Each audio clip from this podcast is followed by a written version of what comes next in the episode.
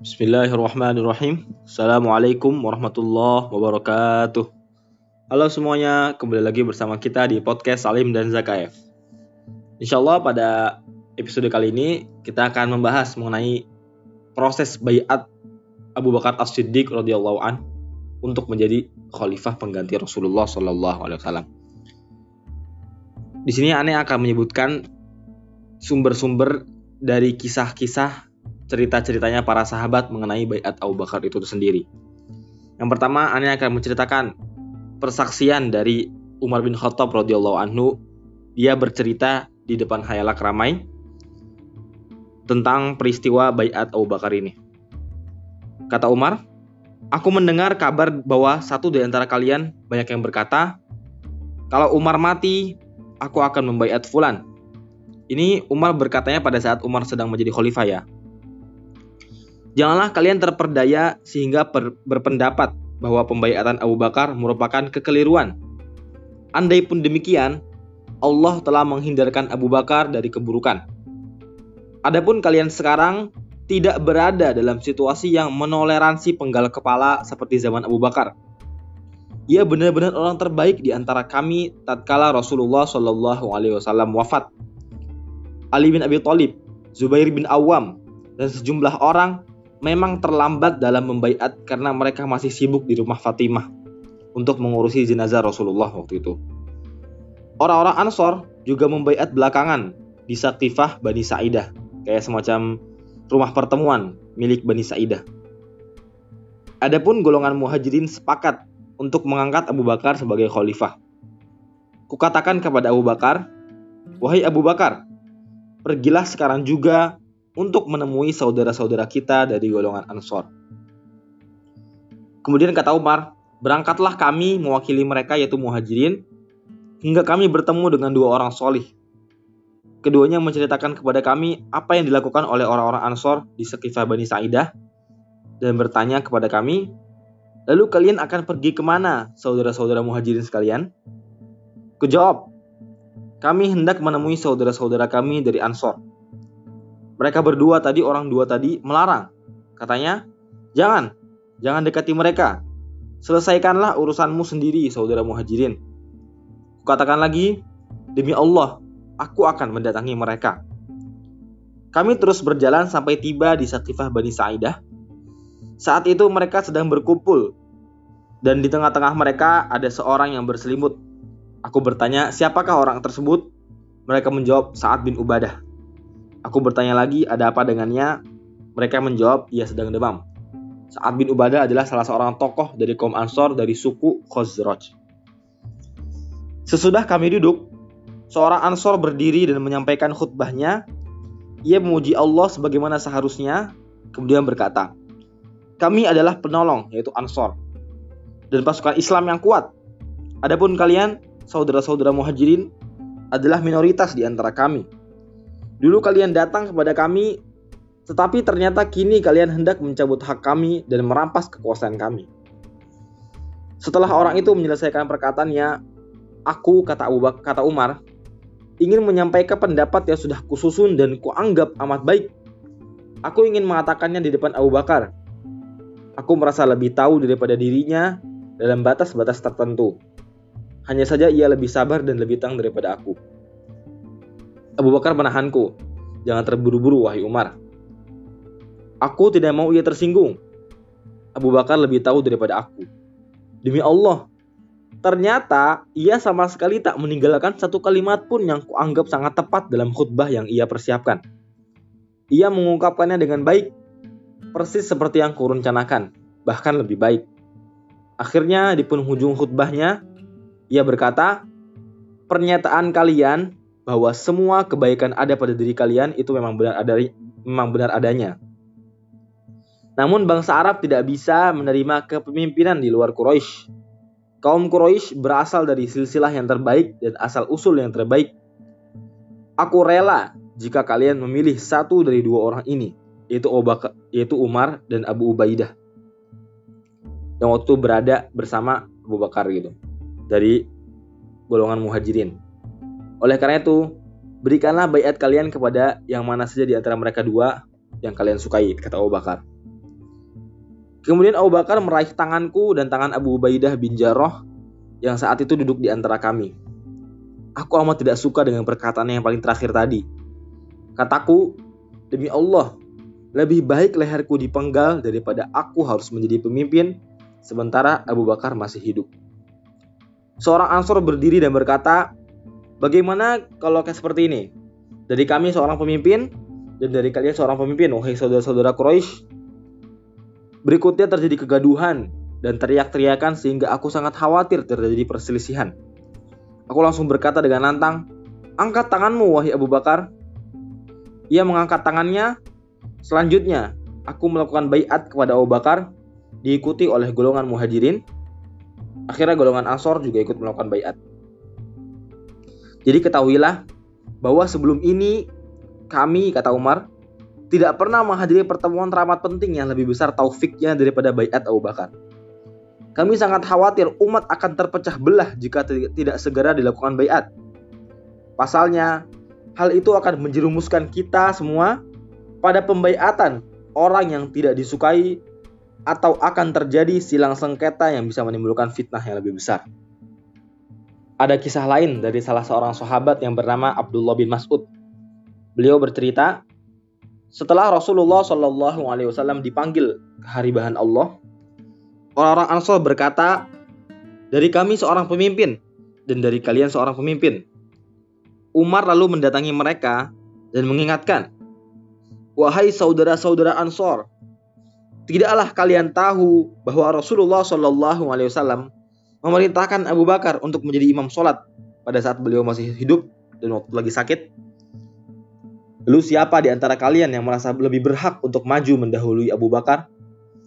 Orang-orang Ansor pun berkata, kami berlindung kepada Allah dari mendahului Abu Bakar As-Siddiq.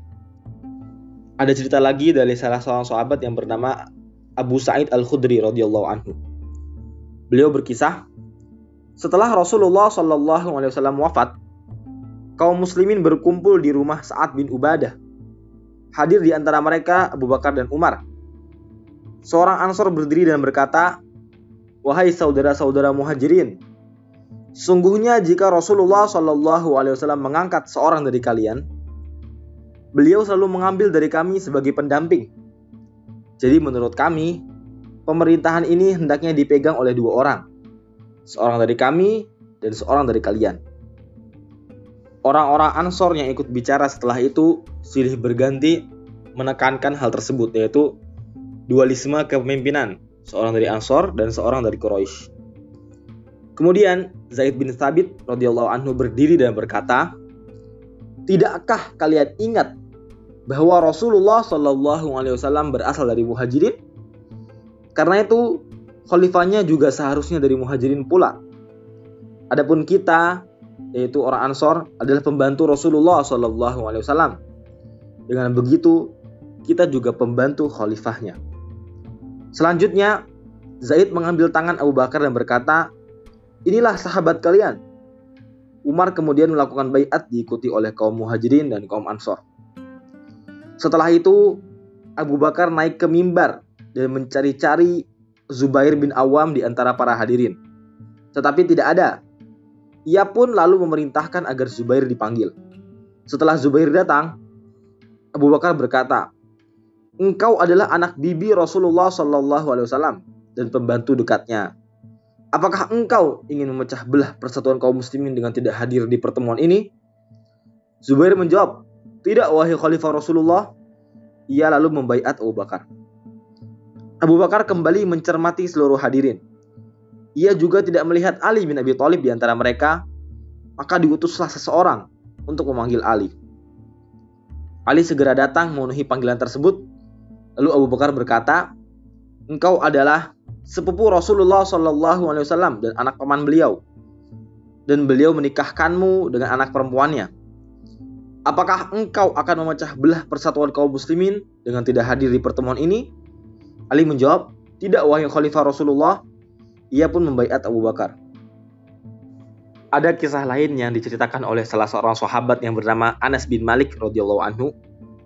Kata beliau, keesokan hari setelah dibaiat di Sakifah Bani Sa'idah, Abu Bakar duduk di mimbar Masjid Nabawi. Umar bin Khattab lalu berkhutbah sebelum Abu Bakar. Ia memanjatkan puji-pujian kepada Allah dan menyatakan rasa syukur. Setelah itu, Umar berkata, "Sesungguhnya Allah telah memilih sosok terbaik di antara kalian untuk memangku jabatan khalifah. Ialah sahabat Rasulullah, satu dari dua orang yang berada di dalam gua maka berdirilah kalian dan berbaiatlah kepadanya. Hadirin pun berdiri dan melakukan bayat secara umum setelah bayat khusus di Sekifah Bani Sa'idah kemarin. Setelah itu Abu Bakar berdiri berkhutbah memuji Allah dan menyatakan rasa syukurnya kemudian berkata, "Saudara-saudara, sesungguhnya saya telah dipilih untuk memimpin kalian. Padahal saya bukan orang terbaik di antara kalian. Oleh karena itu, kalau saya melakukan kebaikan, bantulah saya. Kalau saya bertindak melenceng, luruskanlah saya. Sesungguhnya kejujuran adalah amanah. Sedangkan kebohongan adalah pengkhianatan. Orang yang lemah di antara kalian adalah yang kuat di mata saya. Sampai saya menunaikan hak-haknya. Adapun orang yang kuat di antara kalian adalah yang lemah di mata saya sampai saya mengambil hak-hak orang lain dari dirinya, insya Allah. Kalau ada golongan yang meninggalkan jihad jalan Allah, niscaya Allah akan menimpakan kehinaan atas diri mereka. Kalau kemaksiatan sudah meluas pada suatu golongan, Allah akan menimpakan malapetaka kepada mereka. Taatilah saya selama saya taat kepada Allah dan Rasulnya. Namun, jika saya bermaksiat kepada Allah dan Rasulnya, tidak ada kewajiban atas diri kalian untuk mentaati saya. Laksanakanlah sholat kalian. Semoga Allah merahmati kalian.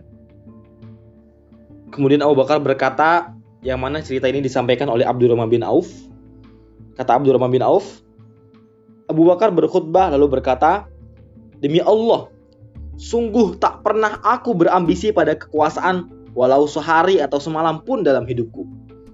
Tidak pernah aku menginginkannya. Tidak pernah sekali-kali aku mintanya kepada Allah, baik secara terang-terangan maupun diam-diam. Namun, aku khawatir akan terjadi fitnah. Kepemimpinan ini tidak memberi kesempatan untuk bersantai-santai, sebab tugas yang dibebankan kepadaku demikian besar. Sedangkan aku tidak punya daya dan kekuatan, kecuali dengan bantuan Allah. Ali bin Abi Thalib dan Zubair bin Awam berkata, Adapun kemarahan kami disebabkan karena kami tidak diajak bermusyawarah. Sesungguhnya kami menganggap Abu Bakar memang paling berhak untuk memangku khilafah. Sebab ia adalah sahabat Rasulullah Wasallam di dalam gua dan kami mengetahui kemuliaan dirinya. Rasulullah Wasallam telah memerintahkannya menjadi imam sewaktu beliau masih hidup. Abu Bakar As-Siddiq pernah ditanya oleh salah seorang tabi'in yang bernama Rafi At-Ta'i. Rafi bertanya kepada Abu Bakar, "Apa yang mendorongmu untuk menerima jabatan khalifah? Padahal engkau melarangku agar tidak menjadi pemimpin dari dua orang." Abu Bakar menjawab, "Aku tidak melihat jalan lain dan aku takut terjadi perpecahan di antara umat Nabi Muhammad SAW." Urwah bin Zubair salah seorang tabi'in, juga pernah berkisah.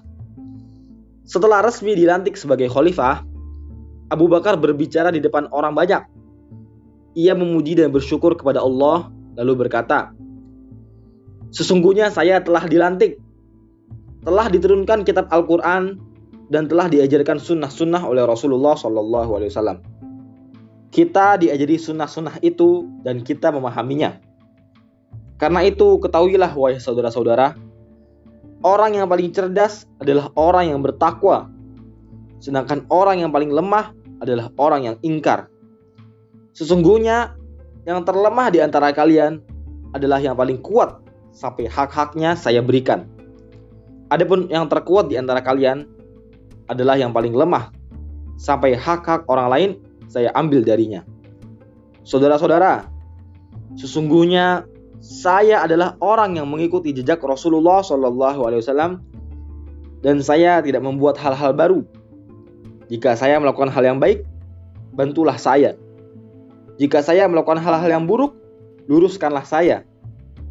Saya akhiri khutbah ini dan saya mohon ampun kepada Allah untuk diri saya sendiri dan untuk diri kalian. Para ulama sejarah bersepakat bahwasanya Abu Bakar dibaiat pada hari wafatnya Rasulullah Wasallam, yaitu Senin 12 Rabiul Awal tahun 11 Hijriah. Sebagai penutup, salah seorang sahabat yang bernama Abdullah bin Umar pernah berkata, Abu Bakar tidak pernah duduk di tempat Rasulullah Shallallahu Alaihi Wasallam sampai ia menghadap Allah. Umar tidak pernah duduk di tempat Abu Bakar sampai Abu Bakar menghadap Allah. Utsman tidak pernah duduk di tempat Umar sampai Umar menghadap Allah.